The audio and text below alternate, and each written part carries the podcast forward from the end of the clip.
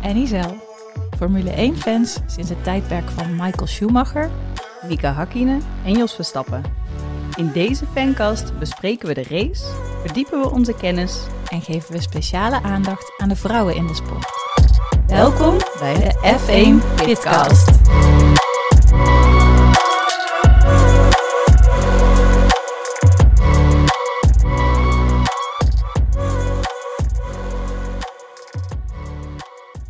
Isel, weet je wat mij vandaag is overkomen?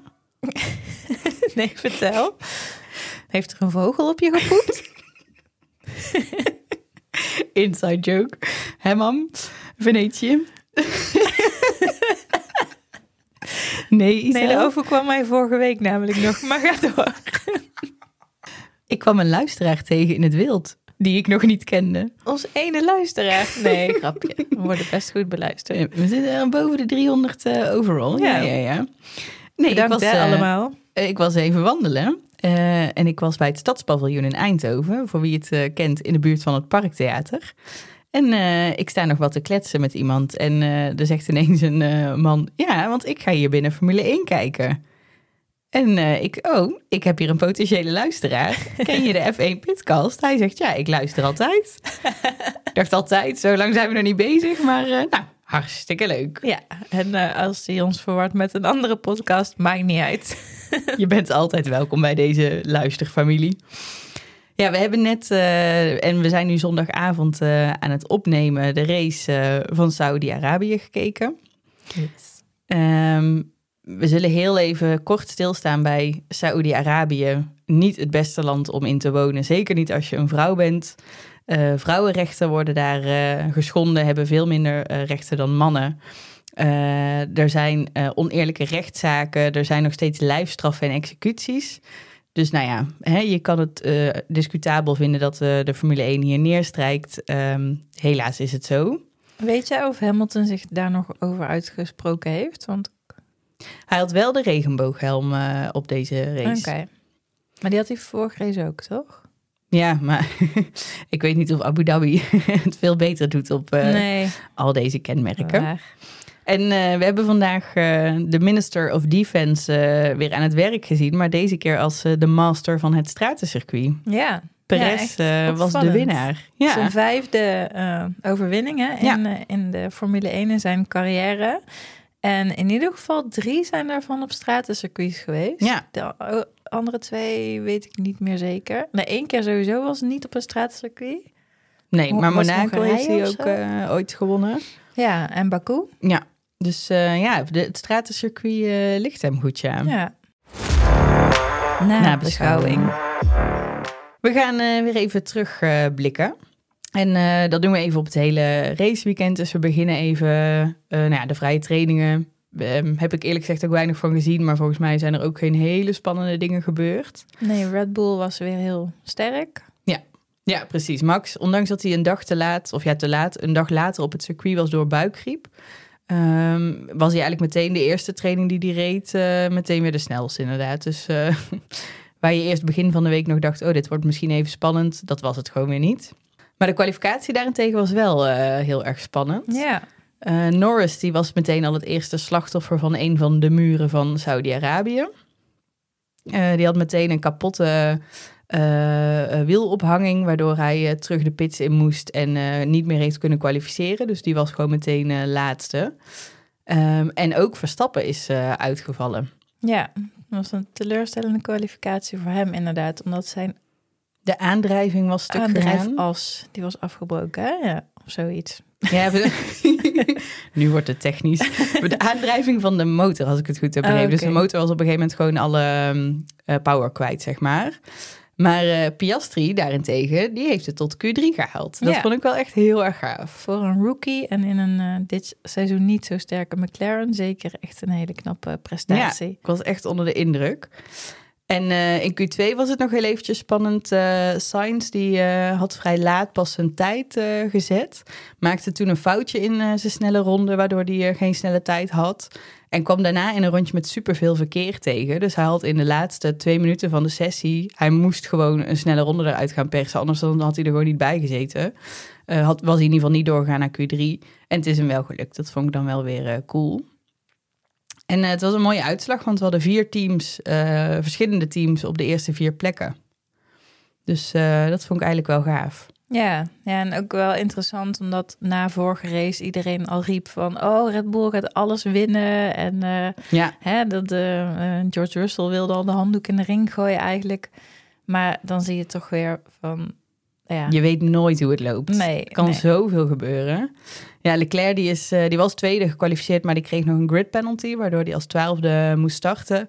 Die zei in het interview na de kwalificatie: Red Bull are on another planet. Zo'n reactie op, uh, ook al had ik uh, hier tweede gestaan, dan vraag ik me af of ik het wel had gehaald. Dus nou, dat zegt inderdaad ook weer genoeg over de instelling. Ja, hij moest uit, uiteindelijk op plek 12, hè, zei je, gestart in de race. Ja. ja, klopt. Dus nog voor Max, ja. want die stond vijftiende. Ja, en dan uh, de race vandaag. Ja. ja, door die penalty van uh, Leclerc kwam Alonso op plek 2 te staan. Jammer genoeg um, zette hij zijn auto niet helemaal lekker neer bij de start. Nee. Hij uh, zette hem te ver naar links. Waardoor hij um, meteen een, een, penalty aan zijn broek kreeg van vijf seconden. Ja. En David dat... Coulthard grapte aan het einde nog... ja, we snappen dat je niet zoveel ervaring hebt in de Formule 1. ja, dus dit, dit kan je dan overkomen. Ja. Maar daar kregen we nog een vraag over. Uh, ja, shout-out uh, naar Judith. Van hoe kan dit nou? En mag je dan nog achteruit rijden? Ja, hoe kan dit nou? Daar hebben we het een beetje over gehad. Kijk, als coureur in je auto heb je relatief weinig zicht. Dus je ziet niet letterlijk, denk ik, de, de witte strepen op het asfalt staan. Dus het is een beetje, als het ware, zeg maar, ook wel gokken waar je die auto neerzet. Nou, dat wordt wel veel geoefend tijdens vrije trainingen.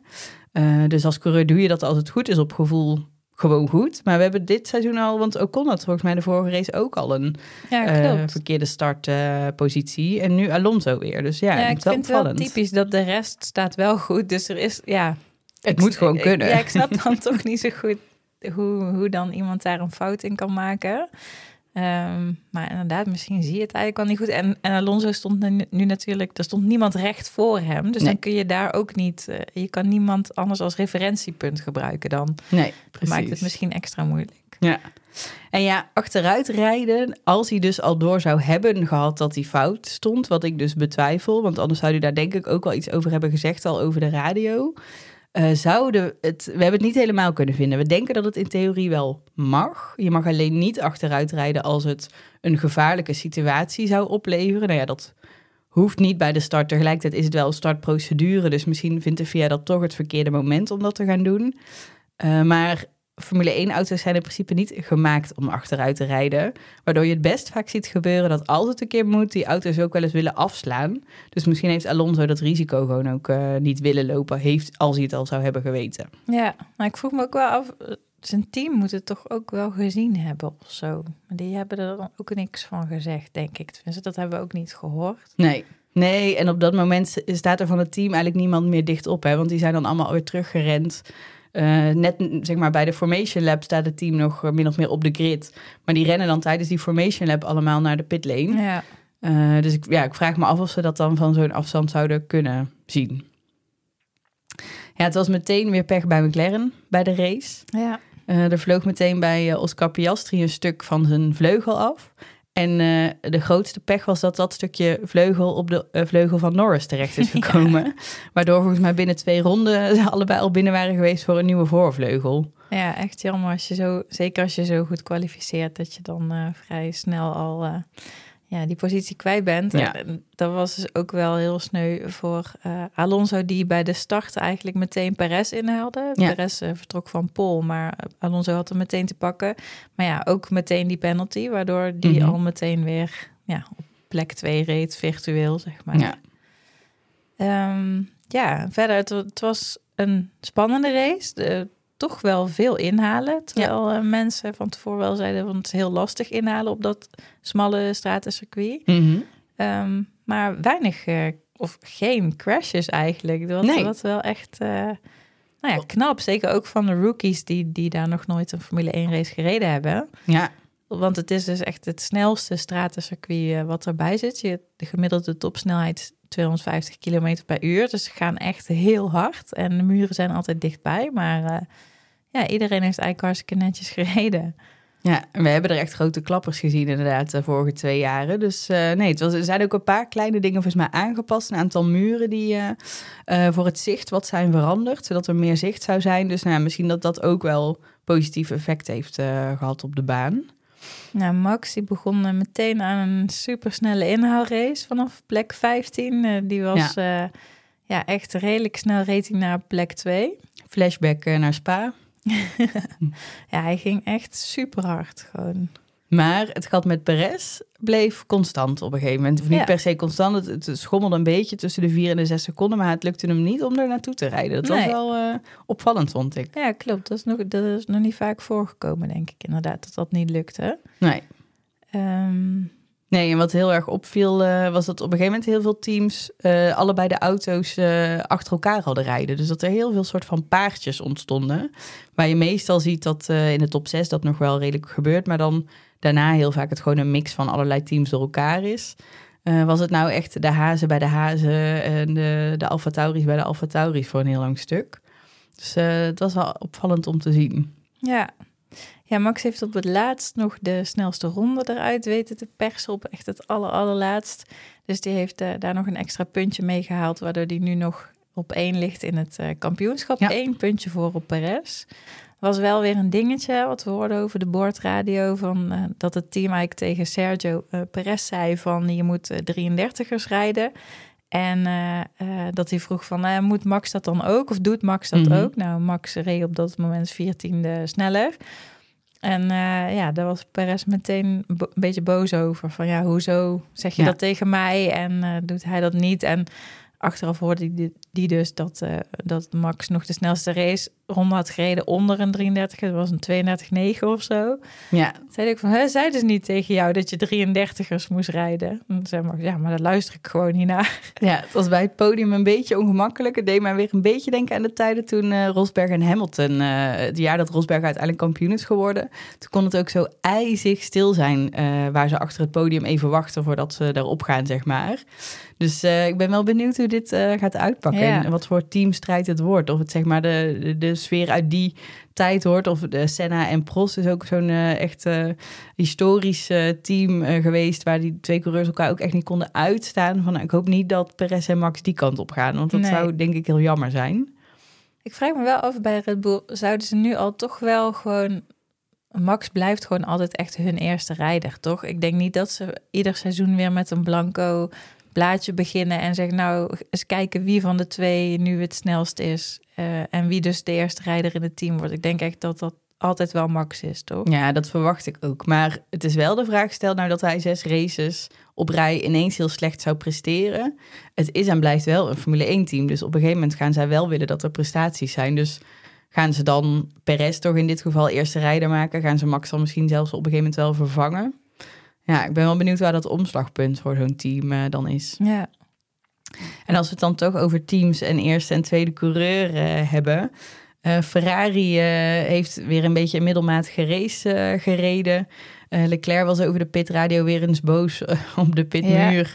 eh, omdat hij niet goed geïnformeerd was tijdens de safety car, een van de twee die er was.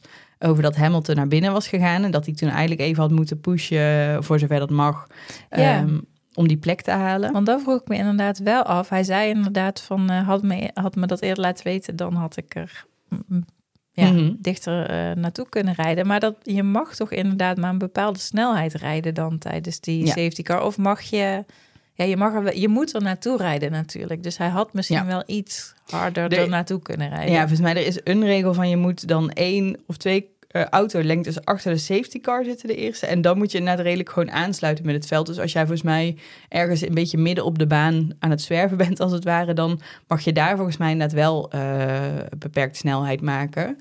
Ehm, ja, zouden we eens even terug moeten zoeken hoe dat Hmm. precies met die safety car eh, regels zit inderdaad. Maar het lijkt bij Ferrari alsof ze er ook nog niet helemaal over uit zijn. Leclerc lijkt altijd een beetje hun kroonprins te zijn, maar Sainz staat op dit moment ehm, volgens mij nog steeds. Hè? Dus in ieder geval naar de vorige race stond hij wel hoger in het ja, ja. klassement. Nog steeds, ja. Ja. Dus Ja, voor wie ga je dan? Ik heb het idee dat ze bij Ferrari, toen ze vorig jaar ook niet echt een heel duidelijke keuze hadden gemaakt voor een 1 Nee. en een 2. Nee. Nou, wat er nog gebeurde tijdens de safety car was dat Alonso een pitstop maakte en daar die vijf seconden eh, straf wilde inlossen. Maar ja, ze hadden hem weer niet goed getimed, net als bij Ocon vorige week gebeurde. Waardoor ze al binnen de vijf seconden aan zijn auto zijn gaan werken, wat dan dus echt niet mag. Waardoor Alonso dus uiteindelijk nog een 10 seconden straf daarvoor erbij kreeg. Maar die kreeg hij zo laat dat hij gewoon al op het podium heeft gestaan. De beker in ontvangst heeft genomen. De winnaar, de, de derde Mhm. plaats interviews heeft gedaan. En Ja. daarna krijg je dan nog een straf waardoor je gewoon geen derde meer bent. Dat vind ik zo raar, want die... Het was heel gênant. Ja, die, die, die pitstop met die safety car was al lang geweest. Daar hadden ze al lang kunnen timen. checken. Ja. ja, inderdaad. En eh, daarnaast was het ook nog eens zo eh, dat Alonso... eh, we dachten eigenlijk dat hij inderdaad de vijf seconden eh, straf zou krijgen. Dat hij alsnog zou moeten worden ingelost. En hij ging precies op 5,1 seconden over de, de finish. Of in ieder geval met Russell 5,1 Ja. achter hem. Ja. Dus dan had hij zijn derde plek nog kunnen houden. Maar toen werd het 10 een seconden. 10 inderdaad. Ja, Ja, nou, echt zuur. verschrikkelijk. No, no, Mike, that was so not right. Maar ja, daar geven we hem dan ook wel eh, de golden meatball eh, voor deze week. Eh, of ja, niet... Die krijgt zijn team dan weer, maar hij krijgt hem zelf omdat hij dus zijn auto gewoon verkeerd had geparkeerd in het begin. Terwijl je al zo lang meerijdt. Ja. Want het was wel zijn honderdste podium. Hierbij nog een PS, want na onze opnames werd bekend dat Fernando Alonso zijn derde plek toch terugkrijgt. Zijn team heeft protest aangetekend tegen de 10 seconden straf, omdat zij aangaven dat ze tijdens de eerdere straf niet aan de auto gewerkt hebben, maar dat alleen de achterste krik de auto te vroeg geraakt heeft. En ze hebben zeven voorbeelden van soortgelijke gevallen gevonden waarin het niet bestraft werd en die aan de FIA voorgelegd. En toen heeft de FIA besloten om de straf toch terug te draaien. En ze gaan nu ook de regels van wat er wel en niet mag gebeuren aan een auto tijdens zo'n straf scherper definiëren, zodat dit in de toekomst hopelijk niet meer gebeurt.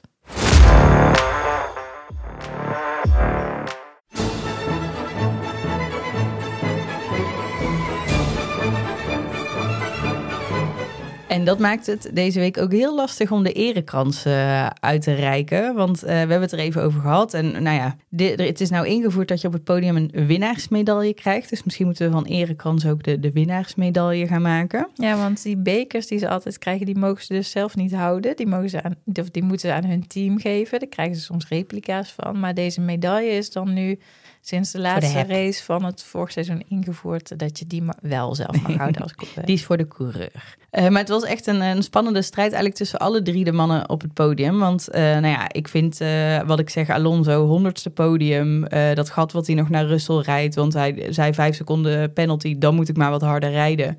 Ja, heerlijke drivers mentality. Dus wat dat betreft heel erg tof. Tegelijkertijd heeft Perez gewonnen eh, met een voorsprong van zes seconden uiteindelijk. En eh, had hij in het begin mooie inhaalacties op Alonso toen hij eh, bij gepakt was eigenlijk bij de start. Maar goed, Max inderdaad in ongeveer 25 ronden van de 15e naar de tweede plek gereden. Leclerc is als twaalfde gestart. Nou ja, die heb je daarna eigenlijk niet meer echt gezien. Hè? Die is niet tot aan het podium kunnen rijden. En Max perst er inderdaad nog even die snelste raceronde uit. Dus ja, wat ons betreft toch wel dan de verdiende erekrans. En de andere kijkers waren het met ons eens. Want eh 26% heeft hem ook eh, tot driver of the day eh, gekozen. quiz. Dan gaan we nou weer een kleine quiz spelen. En die gaat over de ontwikkeling van de teams. Of eigenlijk welke merken een team eerder is geweest, welke namen een team eerder heeft gehad. Weet jij, Patty, welke vier van de huidige teams hebben eh, nog nooit een naamsverandering gehad? Vier teams. Ja. Ferrari, Mhm, McLaren. mhm. Hier wordt hij moeilijker. Ehm, Haas. Ja, klopt. Oh, nice. Ja, want die zijn redelijk nieuw toen op een gegeven moment, zeg maar, toegetreden. Ja, Eh, nee, de, de vierde zou ik zo niet weten. Williams. Oh, tuurlijk. Ja, Ja. die had ik inderdaad ook kunnen raden. Maar ik vond Haas wel ja, goed dat je die wist. Ja. Want eh, ja, het is nog een redelijk nieuw team inderdaad. Maar ja, je zou ook Daar zomaar dus denken dat dat veranderd. vroeger al ooit een ander team was geweest. Ja. En welke twee van de huidige teams zijn het meest van naam veranderd? Eh, Die zijn allebei zes keer in totaal van naam veranderd. Ik zou zeggen Alpine, Ja, in ieder geval. dat is namelijk Renault geweest. En eh Tolman, in het begin, zijn begonnen als Tolman. Mhm. Eh, Benetton zijn ze geweest, Ja. Renault zijn ze geweest. En eh, nu Alpine.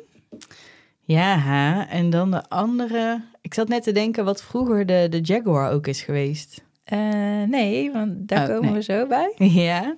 Nee, dan zou ik die andere niet durven. Dat is Aston Martin. Oh, Ja, die zijn als Jordan ja. begonnen.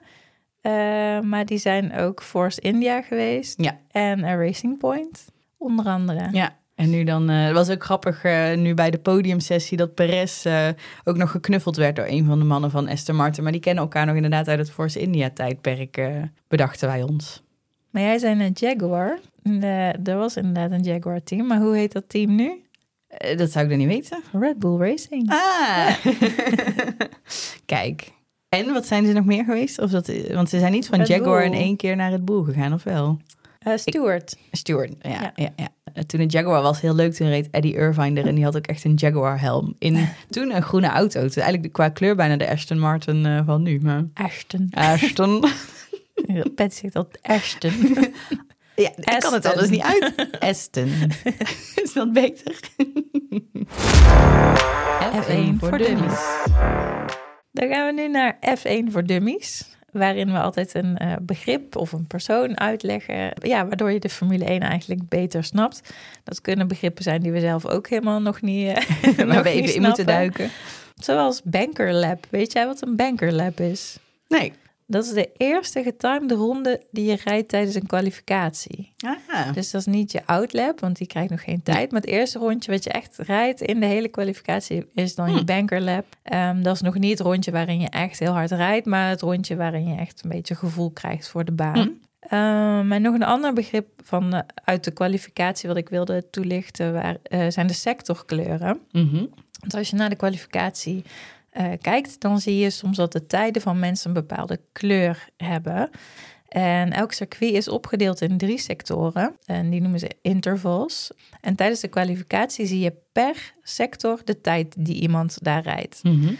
En als de tijd die in beeld ziet nou geel is, dan ehm, betekent dat dat degene tijdens een eerder rondje wat hij reed sneller was in die sector. Dus dat hij in dat Mhm. rondje dus langzamer is dan dat hij daar ooit geweest is. En bij groen heeft hij zijn sectortijd verbeterd. Dus dan rijdt hij sneller dan dat hij daarvoor in die sector heeft gereden. Ja. En paars wil zeggen dat niemand tot, die tot nu toe ehm, heeft gereden in de kwalificatie in die sector een snellere tijd heeft gereden. Dus als je één Drie of twee paars. paarse sectors, dan is het al bijna zeker dat jij naar Pool gaat. Want dan ben je gewoon de snelste van, eh, van Ja. die dag tot nu toe. En volgens mij had Stroll afgelopen kwalificatie één rondje waarin die groen, paars, geel had.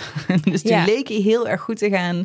Maakte hij uiteindelijk in de derde sector een foutje. En eh, ja, lag hij er niet per se uit. Maar zijn, ronde is nooit heel snel geworden daardoor. En je zegt inderdaad, je ziet het tijdens de kwalificatie. Tijdens de race eh, zie je het ook. Als ze soms, dan laten ze wel eens twee coureurs zien en de verschillen daartussen. Dan gebruiken ze vaak ook deze kleuren om aan te geven... is iemand inderdaad langzamer dan zijn voorganger of sneller. En bij de snelste raceronde geven ze dat ook dan met paars aan. Ja. Dus daar zie je die kleuren ook weer eh, terugkomen. De eretreden. Ja, we zijn deze week hebben het gehad over eh, welke vrouw zouden we nou moeten gaan bespreken in eh, onze eretreden. eh, waarin wij iedere keer een van de vrouwen in de sport willen uitlichten. We waren eigenlijk al iemand aan het voorbereiden. Gaan we niet vertellen wie. Dat is heel even een, een cliffhanger voor volgende week. Maar toen kwam het nieuws dat Angela Cullen, de fysiotherapeut en zoveel meer van Lewis Hamilton, per direct zou gaan stoppen. Ja. We waren best wel eh, verrast door dit nieuws. ja, want zij is echt zo iemand die iedere race aan zijn zijde ziet, al jarenlang. En dan nu ineens is ze weg. En ook met een beetje, eh, of ja, niet per se schimmige berichtjes, maar wel dat je denkt: oké, volgens mij speelt er meer en komt niet alles uh, naar buiten. Maar het leek ons wel een, mooie aanleiding om haar even in het uh, zonnetje te zetten. En dit wist ik niet. zij is een echte Kiwi. Ze is in Nieuw-Zeeland geboren, 1974 om precies te zijn. Ze is zelf professioneel hockeyspeelster geweest. Dus ze is wel op hoog niveau uh, in sport actief geweest, maar een hele andere sport. En is daarna dus het vak van uh, fysiotherapie uh, ingegaan. Ook veel op voeding heeft zij zich gericht. en heeft onder andere Engelse Olympiërs ondersteund voor de Olympische Spelen om hen mee te trainen. en nu ben ik in een hele wereld gedoken. want ik kwam erachter dat zij werkte voor Hinsa Performance, een Fins personal training bedrijfje. En dat is opgericht uh, door ene Aki Hintsa. Uh, deze man is helaas uh, inmiddels al overleden. die heeft Mika Hakkinen en Vettel ook nog getraind. Dus het is geen onbekende in de Formule 1. maar die heeft een heel idee van wanneer ben jij nou als sporter of als mens het meest in, in balans. hij heeft het dan over de Circle of Better Life. met in de kern, ja ook letterlijk je kern van wie ben jij, wat drijft jou eigenlijk. Uh, en daaromheen dan zeven uh, elementen die gaan over voeding, mentale gezondheid, slaap en herstel. Uh, en ja, volgens mij is zijn idee dus dat dat allemaal in balans moet zijn om een goede prestatie neer te kunnen zetten. Ja, interessant. Dat is natuurlijk, geldt niet alleen voor sporters, maar dat geldt eigenlijk voor iedereen. Dus Hinsa, Google het eens.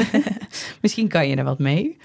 Uh, nou, en wat ik net al zei, ze heeft zeven jaar uh, uiteindelijk bij Lewis uh, gewerkt. Is dus een beetje via dat Hinsa op zijn pad gekomen. En Lewis noemde haar de single hardest working woman. Zij was ook inderdaad altijd te zien. En soms zag ze er ook echt uit als een Sherpa. Want dan met een beetje pech had ze en de hond van Hamilton onder de arm en een step. En een, maar ik zag dus een filmpje voorbij komen waarin zij die hond van Hamilton, Roscoe, dat is Engelse mm bulldog, van twee trappen aftilt. dat is een keizware hond. nou ja, ze was er fit genoeg voor. Het leek me wel zo'n type die dan zegt, lekker mijn workout binnen. maar je kan je wel afvragen hoe dat uh, moet zijn geweest om voor hem te werken op die manier. Ja, ze stond ik altijd binnen één seconde van hem, zeg maar, als hij een petje nodig had ja. of een elastiekje of zijn helm. Of, hij moest iets kwijt of zo, weet je. Dan was zij ja. er altijd gewoon... Uh... Het leek bijna een soort organische relatie, waarin zij precies aanvoelde wat, uh, wat Lewis dan nodig had. Ja.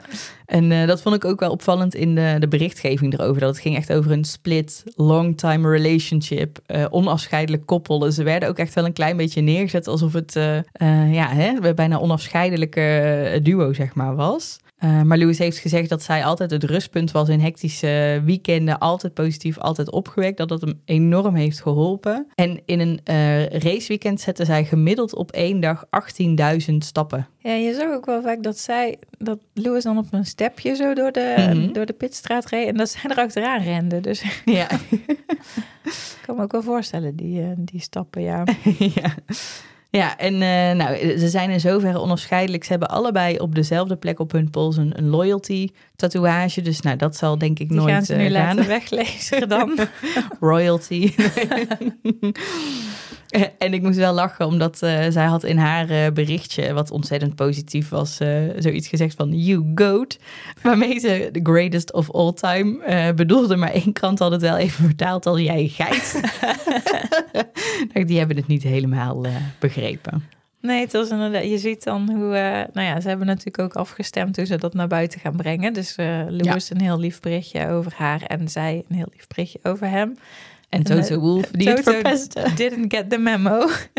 dus die heeft dan weer naar buiten gebracht van... ja, Louis was er gewoon niet, niet tevreden meer mee. En ja, wij zien Angela echt als teamlid. Maar ja, als Louis niet meer wil, dan, uh, ja, dan moeten we daar ook respect voor hebben. Als iets niet werkt, dan moet je het ook stoppen. Ja. Zoiets had hij gezegd. Je denkt, ja. oeh, ja, was Toto, niet oké. Okay. moet jij dan stoppen? Nee, grapje.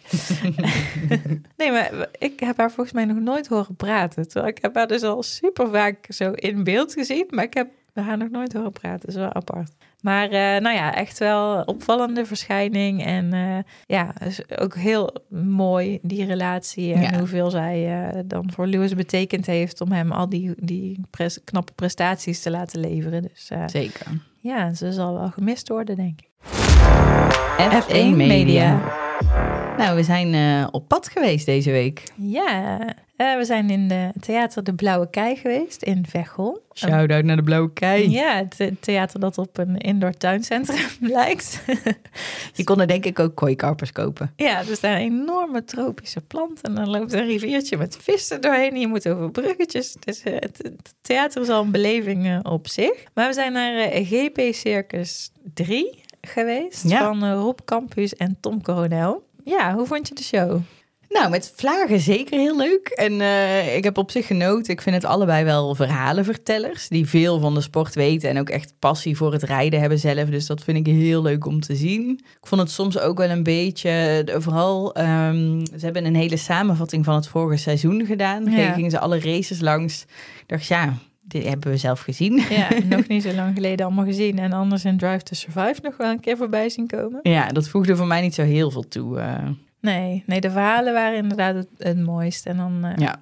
hoogtepunt voor mij was wel het verhaal van eh, Tom Coronel over zijn deelname aan Dakar. Ik weet niet meer in welk jaar het was, maar toen reed hij alleen in een soort buggy. Mhm. En Tim, zijn broer, reed dan niet mee, maar die was wel in de Ter buurt. Volgens mij ter was hij toen wel ook zelf gestart, maar hij was Oh, vrij snel uitgevallen. Klopt, ja. ja. En ehm, nou ja, Tom had allerlei problemen aan zijn auto. En waardoor hij op een gegeven moment ook in een avond in de woestijn vast kwam te zitten. En nou ja, een paar keer eigenlijk wilde opgeven. Maar hij had afgesproken met zijn broer van dan bel ik jou. En eh, eh, voordat ik zeg maar bel van eh, naar, de, naar de helikopter van kom me maar halen, dan bel Mhm. ik jou. En dat die Tim heel tijd gewoon echt, nee, niet opgeven. Weet je, wel, dan ga je daar maar slapen en dan rij je maar morgen. Of ja, hij Ja. kon niet meer doorrijden omdat het zo donker was. Nou, dan rij je morgen maar verder.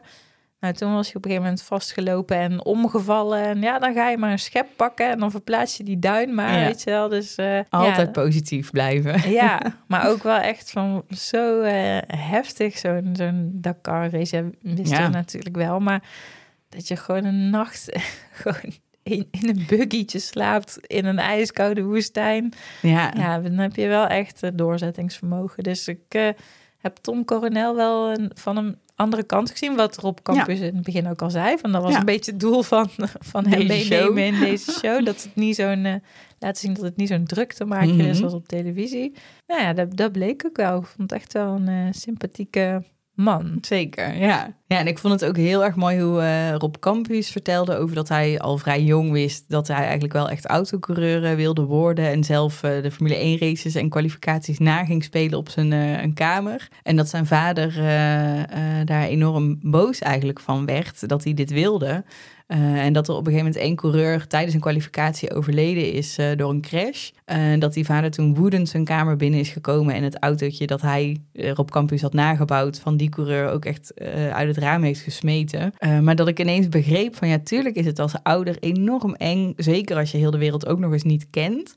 Dat je kind dan zo'n sport wil gaan doen. En al helemaal in de jaren waarin het dus ook echt nog levensgevaarlijk was. En er ieder seizoen eigenlijk wel bij iemand iets eh, ernstig ongeluk was. Vaak ook nog eens dodelijk. Dat ik ineens zo kon invoelen van... oh, dat moet als ouder echt verschrikkelijk zijn... als je kind dan inderdaad die wens heeft. Ja, mooi dat hij wel vertelde dat zijn vader uiteindelijk wel bij iedere race eh, kwam kijken om hem aan Ja. te moedigen. Toch zijn grootste fan geworden. Ja, en eh, we hadden het net al heel even over de GOAT... in het eh, berichtje van Angela Cullen eh, over Hamilton. maar die kwam deze show ook een aantal keren terug. Wie is nou the greatest of all time? Ja, zij kwamen uit op Schumacher. Ja, We, Ja. we kunnen dit zeggen, want het was de laatste show van het seizoen. Ja, dus we doen hiermee geen geen plot. spoiler. sorry Rob en Tom als jullie hem volgend seizoen nog een keer hadden willen doen. Maar Ja, Tom Coronel vond eigenlijk dat, dat Max Verstappen al de goat is. Hè? Maar nee, het, uiteindelijk toch Schumacher. En daar konden ze het over eens worden.